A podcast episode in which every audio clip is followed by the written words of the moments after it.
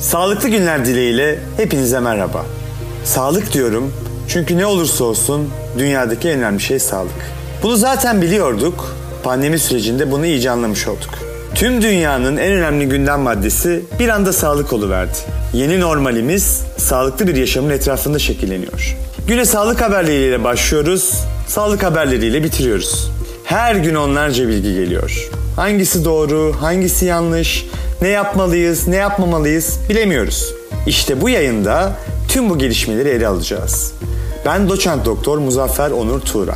Bir hekim olarak sağlık dünyasını yakından takip ediyor ve sizlerle paylaşıyorum. Sağlık dünyasında neler olduğunu merak ediyorsanız buluşma adresimiz tam burası.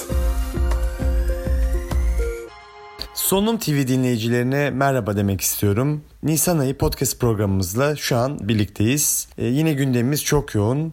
Ee, öncelikle tabii ki en gündeme bomba gibi düşen biraz da beklenen bir kararı konuşacağız. Tam kapanma kararını konuşacağız ve bunun ne gibi getirileri ve götürleri olacak ve bununla ilgili bazı örneklerden e, bahsedeceğiz. Onun dışında e, aşılama nasıl gidiyor? Aşılama ile ilgili son gelişmeler neler?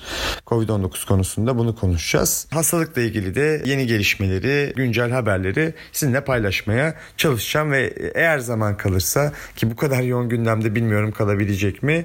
Diğer Covid-19 dışı sonum haberlerini de sizinle paylaşmaya çalışacağım. Hepinize şimdiden iyi dinlemeler diliyorum.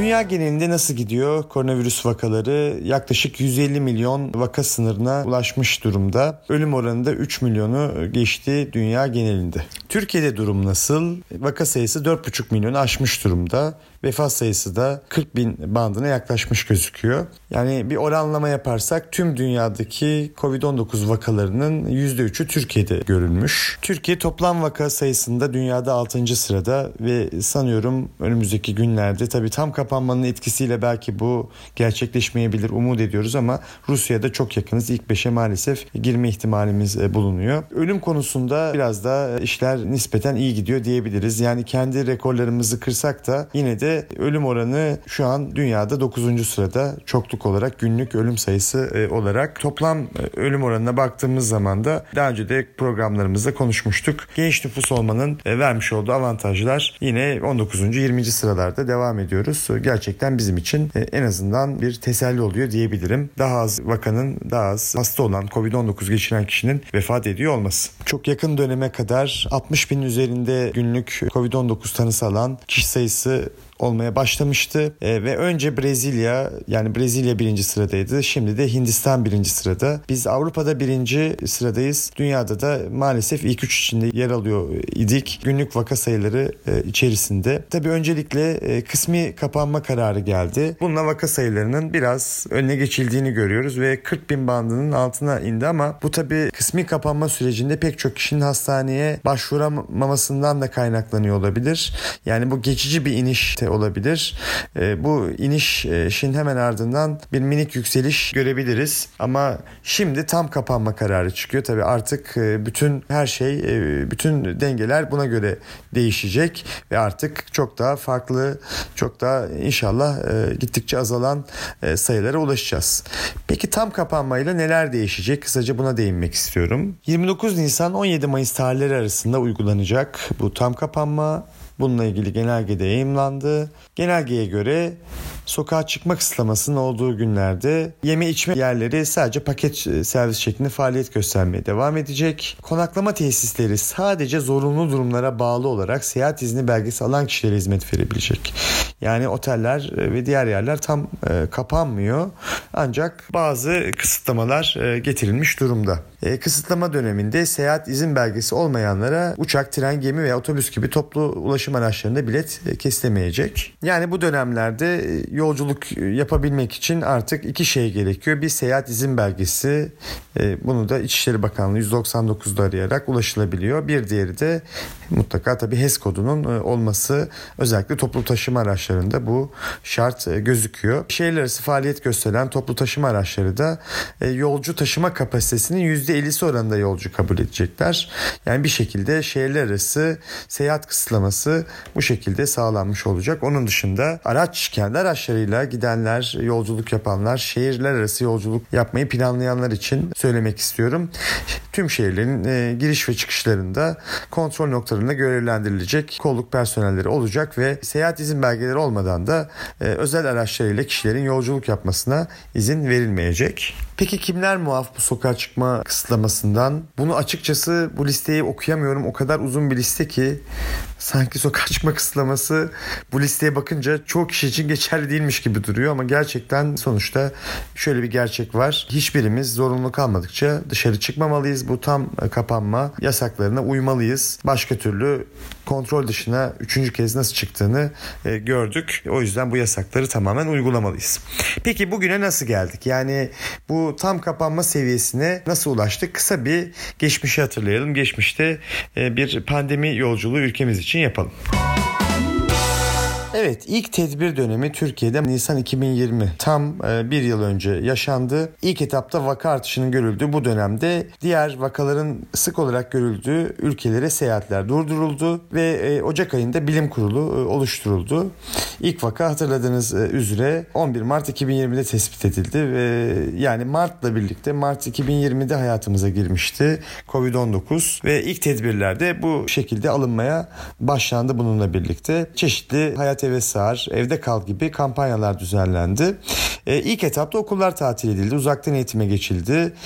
İşte kamuda esnek çalışma düzeni başlatıldı. Bol maçları ve diğer maçların seyircisi oynanmasına karar verildi ve pek çok şirkette home office çalışmaya başladı. Kapalı mekanlarda maske takma zorunluluğu getirildi. Bununla birlikte pek çok önlemle birlikte e, bu hastalığı kontrol etme e, süreci başlamış oldu. Hafta sonu sokağa çıkma yasakları uygulandı ve Mayıs 2020'nin sonuna kadar 30'u e, aşkın şehirde hafta sonu sokağa çıkma yasağı uygulandı. Vakaların e, bir miktar azalmasıyla birlikte yeni normal adı verilen sürece Haziran 2020'de geçtik ve kısıtlamaların önemli bölümü kaldırıldı. Şehirleri seyahatler, uluslararası uçuşlar yeniden başladı. Restoranlar, AVM'ler yeniden faaliyete geçti.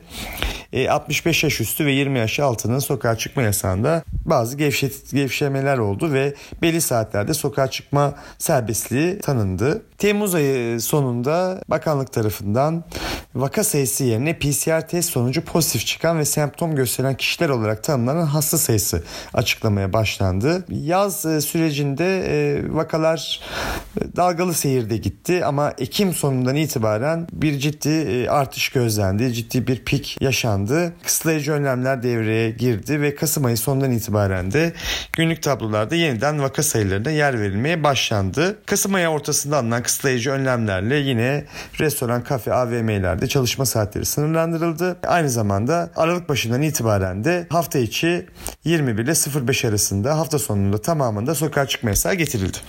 Yine bir miktar sayılar azaldığı için de tabi aslında pandemide anlık karar verilmesi doğru bir durum. Hani bu konu eleştirilebilecek bir şey değil. Anlık karar verilmesi gerekiyor. Mart ayı başından itibaren de yerinde karar e, adı verilen bir sürece geçildi. Ve Türkiye'de e, iller günlük vaka sayısı, hastane doluluk oranı, ağır hasta sayısı, can kaybı gibi kriterlere göre risk gruplarına ayrıldı ve bu risk gruplarına göre de farklı kısıtlamalar getirilmiş oldu. Ancak Mart ayı içerisinde e, günlük vaka artışı gitgide e, artmaya başladı Mart 2021'de. Ve Nisan ayına gelindiğinde de günlük vaka sayıları 40 bin aşarak rekor seviyelere geldi. E, bunun üzerine yeniden e, önlemler e, gündeme geldi. Ve bir önceki Kasım ayındaki benzer kısıtlayıcı önlemler alınarak kısmi kapanma olarak nitelendirilen bu dönem başlamış oldu. E, yine kamuda esnek mesai sistemine geçildi. Pek çok önlem bu konuda alındı. Yasak sokağa çıkma yasağı süresi 21'den 19'a çekildi. Hafta sonunda bu uygulamanın devam devamına karar verildi. Yine şehirler arası seyahatlerde de istisnai durumlar dışında yasaklamalar e, getirildi. Ve belki de kaçınılmaz olan son yani tam kapanma e, kararıyla karşı karşıya geldik. Yani kanımca bu karar kısmi kapanmadan önce e, alınabilirdi ama tabii sonuçta dediğim gibi belli bazı önlemler yani bir satranç maçı gibi düşünmek lazım. Bir hamle yapıyorsunuz ve karşıda sizin savaştığınız virüs de bir hamle yapıyor. Sayılar e, değişiyor. Önlemler arttırılıyor. Sayılar azalıyor. E, önlemler de e, azalmaya gidiliyor. Dolayısıyla belki de kaçınılmaz olan tam kapanmayla şimdi karşı karşıyayız. Peki tam kapanma örnekleri nasıl? Yani bu örnekler başarılı olmuş mu?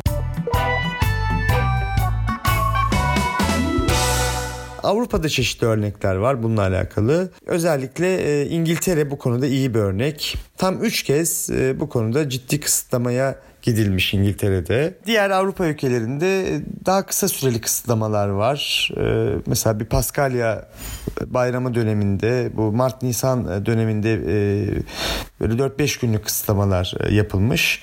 Ama dediğim gibi en böyle tam kapanmayı uygulayan, net uygulayan ülke İngiltere ve İngiltere'de de sayılar gerçekten bayağı düşmüş durumda. Onlardaki tam e, kapanma en son olan tam kapanma Ocak ayında e, Ocak 2021'de gerçekleştirildi ve Şubat ortasına kadar da bu süreç e, sürdü.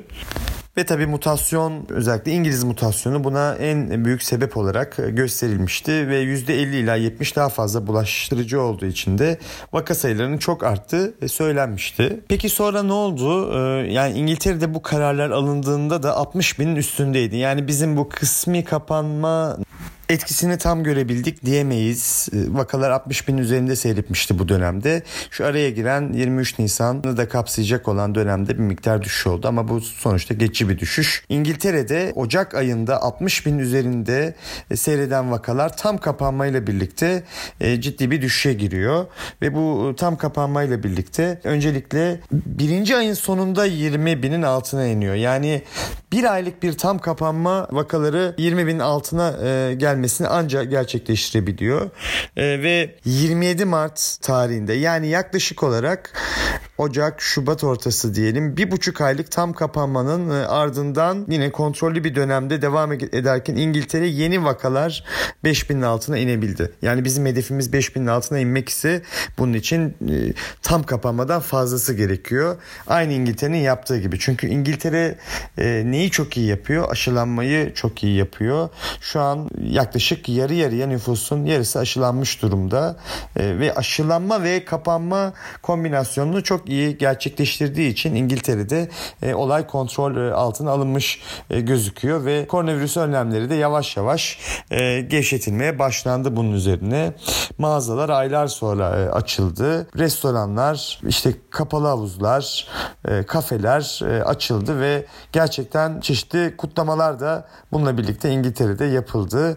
E, gerçekten onlar da sosyal bir halk, İngiliz halkı. İnşallah darısı başımıza e, e, diyoruz. E, önümüzde önümüzde zorlu bir süreç var. Bu süreçte inşallah e, biz de bu günleri göreceğiz ama dediğim gibi bu günler hemen tam kapanmanın ardından gelecek gibi değil. Dolayısıyla aşılanma ile bunu çok iyi harmanlamamız gerekiyor. Peki aşılama nasıl gidiyor? Dünyada Covid-19 aşılarının yapılma sıklığı olarak e, Türkiye, Amerika, Çin, Hindistan, İngiltere, Brezilya, Almanya'dan e, sonra geliyor. 7. sırada e, sıklık olarak. Peki oran olarak yani nüfusa göre e, aşı oranı açısından e, kaçıncı sıradayız? Açıkçası çok daha e, gerideyiz buna göre. Burada İsrail daha önceki programlarda da söylemiştim. Birinci sırada Birleşik Arap Emirlikleri ve İngiltere ilk üç sırayı e, alıyor. Türkiye ise e, 12. sırada şu an. Yani nüfusa göre aşılanma konusunda hala istediğimiz seviyelerde değiliz açıkçası. 8 milyon kişi tamamen aşılanmış durumda. Toplam e, verilen dozda 21 milyonu aşmış gözüküyor. Ülkemiz nüfusunun %9.7'si e, aşılanmış gözüküyor bu duruma göre. Aşılamada peki uygulanma grubu olarak hangi sırada yer alıyoruz? Birinci aşama aşılanma bitti. Sağlık kurumunda çalışanlar ve diğer sağlık öğrenciler dahil e, eczane çalışanları. Onun dışında yaş engelli ve koruma evleri gibi yerlerde kalan ve çalışanlar ve 65 yaş üstü bireyler e, aşılanmış durumda. Şimdi ikinci aşamada e, aşılama sürüyor. Bazı bakanlıklardaki görevliler ve çalışanlar aşılandı. Cezaevlerinde çalışanlar yani cezaevleri aşılandı. Öğretmen aşılandı derken aşılama devam ediyor tabii. ikinci aşama sürüyor hala. Öğretmenler eğitim sektöründe aşılanmaya devam ediyor. 55 yaş üstü 55-64 yaş üstü bireylerin aşılanmaları devam ediyor. Hedef bir sonraki basamak 50-54 yaş arası e, bireyler. Onlar da aşılandığı zaman nihayet kronik hastalığı olan kişiler e, ile birlikte diğer bireylere sıra gelecek 50 yaş altı bireyleri. Yani şu an ikinci aşamada süreç e, devam ediyor gözüküyor. Bir diğer tartışmalı konuya geçebiliriz aşı konusuna gelmişken. Şimdi biliyorsunuz ülkemizde hem Sinovac hem BioNTech aşısı var. Ve günün en popüler soruları, sağlıkçılara en çok sorulan sorular. Herhangi bir yerde, herhangi bir platformda e, eski arkadaşlar mı olur, yolda karşılaştığımız, bizi tanıyan kişiler mi olur, konu komşu, e, hastalar, herkes bunu soruyor. Hangi aşı olalım? Sinovac mı, BioNTech mi? Yani zor bir soru açıkçası. E, yani kendimce tabii cevap vermeye çalışacağım. Kendi görüşümü söyleyeceğim söyleyeceğim. Bu konuda çeşitli görüşler e, olabilir. Yani belki de doğrusu şöyle iki aşı ile ilgili de ben genel bilgi vereyim. Tabii ki tercih olmak isteyen kişiye göre e, verilebilir. Sinovac aşısı e, bildiğimiz üzere inaktive edilmiş bir aşı. İnaktif bir aşı olduğu için de iyi bir güvenlik profiline sahip durumda. BioNTech aşısı ise bir mRNA aşısı. Biz sağlık çalışanları yani çoğunluğu e, o dönem tek e, alternatif Sinovac olduğu için hepimiz Sinovac aşısını e, olduk açıkçası. Şimdi ama iki alternatif olması en azından çeşitli arttırıyor. Çeşitli çalışmalar var. Etkinlik özelliklerine sıra gelince bunu söylemem gerekiyor. Türkiye verileri Sinovac'ın %83'lerde hastalığı önleme verisi ama hastane yatışı önlemede %100'lük bir veri var. Bu gerçekten bayağı zamanında yüz güldürücü bir veri olarak gelmişti ama diğer ülkelerin verileri o kadar açıkçası e, yüksek değil. Brezilya %50'lerde bir hastalığı önleme verisine sahip Sinovac açısından. Endonezya'da %60'ların azıcık üzerinde e, seyrediyor. Çin'de de %78'lerde bu e, Sinovac'la ilgili veriler. BioNTech'e e, geldiğimizde e, BioNTech'te %95 civarında bir etkinlik e, oranı verildi. Daha sonra bir düzeltme yapılarak %91 olarak son diğer ülkelerden gelen verilere göre bu güncellendi. Yani sonuçta %90'ların e, üzerinde bir e, etkinlik oranı e, BioNTech aşısında mevcut. Antikor seviyeleriyle ilgili çeşitli yine yayınlar ve bu konuda bilgiler var. Sinovac aşısının orta ve iyi seviyede antikor oluşturduğu belirtiliyor ve bir şekilde BioNTech aşısının ise orta ve iyiden daha iyi yani iyi ve çok iyi seviyede antikor oluşturduğu bildiriliyor. Virüsü alma ve bulaştırma riski daha e, düşük gözüküyor BioNTech aşısında. Açıkçası Sinovac'ta virüsü alma ve bulaştırma riski azalsa da daha yüksek oranda olduğu e, belirtiliyor. Koruyuculuk süresi açısından net bir sonuç yok açıkçası. Bu konuda çeşitli yine bilgiler var. Sinovac aşısının 6 aya kadar koruyucu olduğu yine belirtiliyor. BioNTech'in ise 1 yıl üzerinde bağışıklık verileri mevcut. Dolayısıyla yani bana bu bugün sorsalar hangi aşı olursun diye iki seçenek de olsa ben Biontech aşısını olurum ama e, sonuçta biraz tercihe kalmış. E, bir de olaya yan etki gözüyle belki bakmak e, gerekiyor. Yan etki profili olarak e, Sinovac aşısı inaktif aşı olduğu için çok daha az yan etkiye sahip. Çok daha iyi tolere edilebiliyor. Ancak Biontech aşısında özellikle alerjik bünyesi olanlarda, ciddi alerji öyküsü olanlarda dikkatli olunması gerekiyor.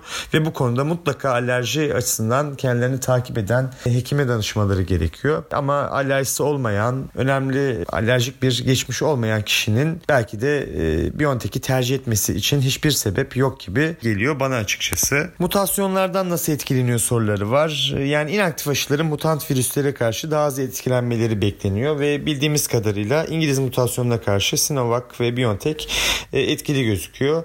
Ancak Brezilya ve Güney Afrika mutasyonları ile ilgili çeşitli hani net olmayan e, veriler var. Bu konuda net bir şey söylemek doğru değil şu an. Yine yan etki profiliyle ilgili daha önce pıhtılaşma öyküsü olan kişiler e, ne yapalım diye soruyorlar. Birkaç kez böyle bir soru e, bana da geldi. Yani açıkçası bu konuda AstraZeneca ve Johnson Johnson'la ilgili e, aşı sonrası pıhtı atma olayları bildirilmiş durumda. E, ama ne bileyim e, yani pıhtılaşma ile ilgili öyküsü olanlarda e, yani Sinovac ve BioNTech ile ilgili olumsuz bir e, sonuca ben e, rastlamadım açıkçası açıkçası. Ama bu konuda herhalde böyle artık atasözü gibi olan bir söz var. En iyi aşı en hızlı ulaşılabilen e, aşıdır diye. Bunu da mutlaka aklımızda bulundurmamız gerekiyor.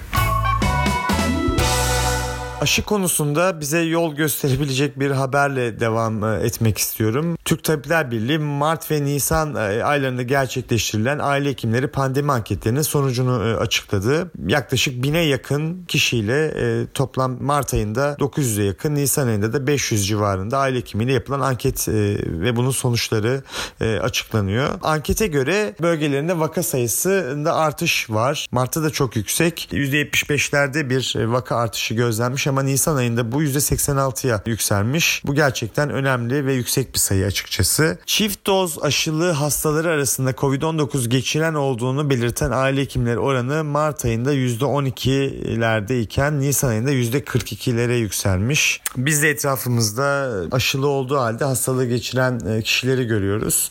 Ha, evet yani aşılama e, neyi değiştirdi dersek en azından e, şunu söyleyebiliriz. Hastanede yatan hasta popülasyonu daha genç e, hasta grubu. Yani e, eskiye göre e, daha genç hastalar yatıyor. 65 yaş üstü hastaların yatış oranı gerçekten azalmış gözüküyor. En azından bunu hani İzmir için söyleyebilirim.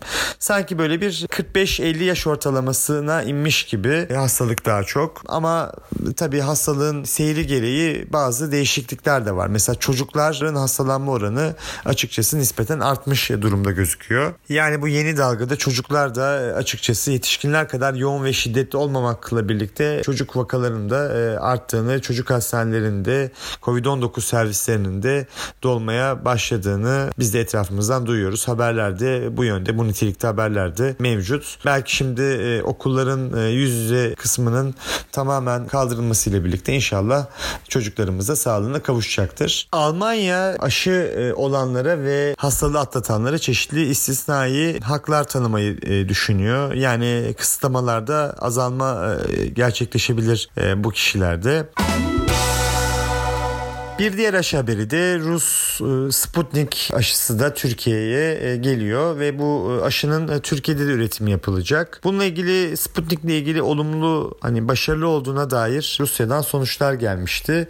Yine %95'lerin üzerinde bir başarı oranı görülmüştü. Zayıflatılmış virüsün vücuda enjekte edildiği viral vektör yöntemiyle üretiliyor ve iki doz olarak uygulanıyor Sputnik aşısı.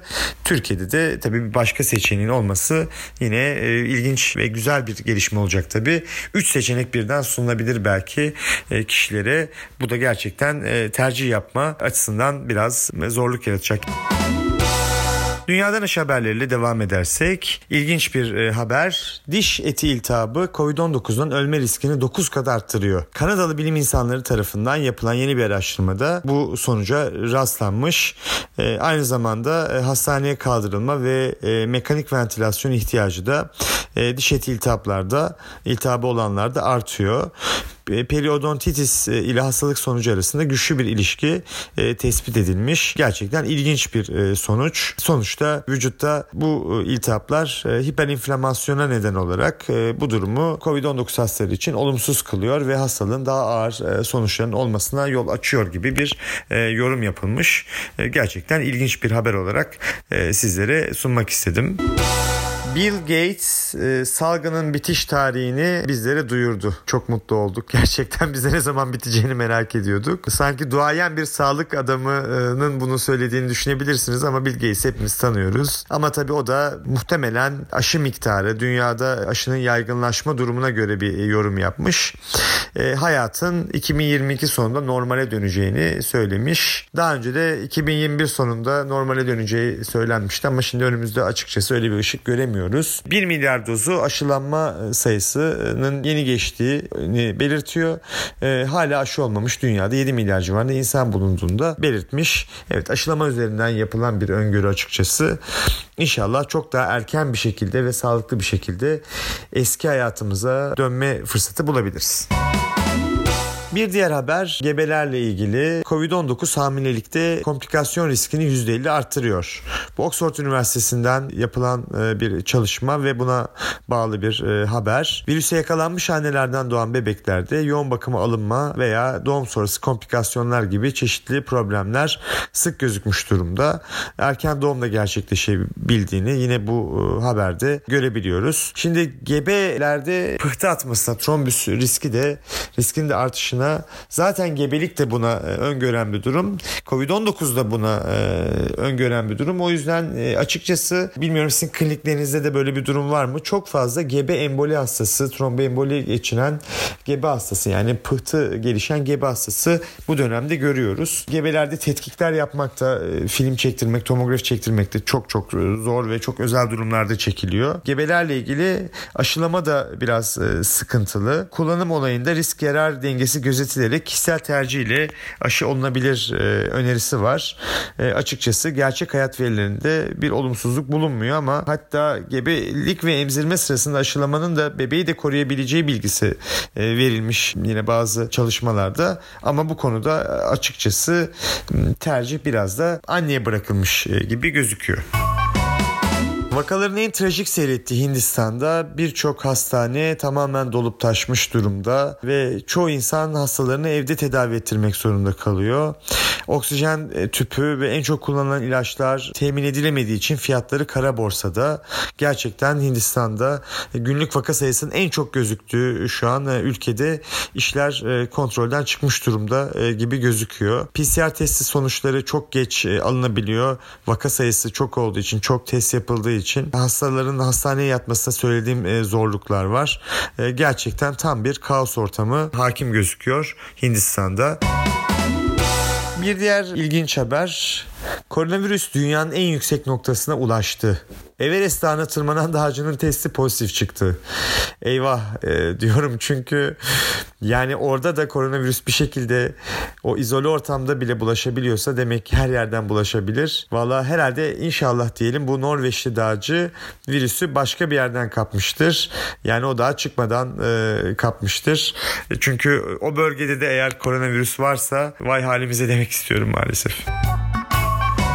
Evet son vereceğim haber de 23 Nisan'la ilgili. 23 Nisan Ulusal Egemenlik ve Çocuk Bayramı ile ilgili. Tabi buruk yaşadığımız bir bayram oldu. Evde iken buruk yaşadığımız normalde çocuklarımızı törenlere götürdüğümüz günler aklımıza hemen geliyor. 23 Nisan etkinlikleri, çocukların gösterileri aklımıza geliyor. Gerçekten zor bir süreçten geçiyoruz. Çocuklarımız da çok zor bir süreçten geçiyor. Benim dikkatimi en çok çeken e, şey en güzel e, hani pozitif bir mesajla çünkü artık programı e, bitirmek istiyorum. Sağlık Bakanımız Fahrettin Koca'nın 23 Nisan dolayısıyla koltuğunu devrettiği küçük çocuk ve bu çocuğun açıklamaları e, gerçekten hani mesaj niteliğindeydi. Sırası gelen herkes aşısına olsun. Yoksa aşıdan korkuyor musunuz? Aşıdan çocuklar bile korkmuyor. Bence siz aşı olursanız okullarımız açılacak. Ben de arkadaşlarıma kavuşacağım. Arkadaşlarımı çok özledim. Siz saygıdeğer büyüklerimizin maske, mesafe ve temizlik kurallarına uyduğunu görünce mutlu oluyorum. Bu arada sevgili arkadaşlarımın Ulusal Egemenlik ve Çocuk Bayramı'nı tebrik ediyorum. Bize bu bayramı hediye eden Mustafa Kemal Atatürk'ü saygıyla anıyorum. Bu çok güzel bir açıklama. Çok gerçekten e, pozitif düşündüren, hissettiren bir açıklama. Çocuklarımızın kalpleri çok temiz, çok saflar. Onlar da bu e, pandemi döneminde çok tabii örselendiler, yıprandılar. İnşallah hem onlar için hem bizler için, tüm dünyamız için işlerin yoluna girmeye başladığı bir e, yaşamaya başlarız. Umarım iyi günler yakındadır ve bu günlere doğru koşarak ilerleriz. Çocuklarımız daha iyi bir dünyaya, daha virüssüz bir dünyaya, daha temiz bir dünyaya kavuşurlar ve bir sonraki 23 Nisan'ı umarım çok daha iyi bir şekilde, mutlu bir şekilde el ele törenler halinde kutlarlar. Buna inanmaktan başka çaremiz yok çünkü inanmazsak hiçbir şey başaramayız. Önce inanç, sonra önlemler ve el ele vererek inşallah her şeyin üstesinden e, gelmeyi başaracağız. Podcast'i dinlediğiniz için çok teşekkür ediyorum. Solunum TV adresinden bize her zaman ulaşabilirsiniz. Solunum TV'yi takip etmeyi unutmayın. Mayıs ayında yeni solunum haberleriyle görüşmek üzere. Kendinize iyi bakın.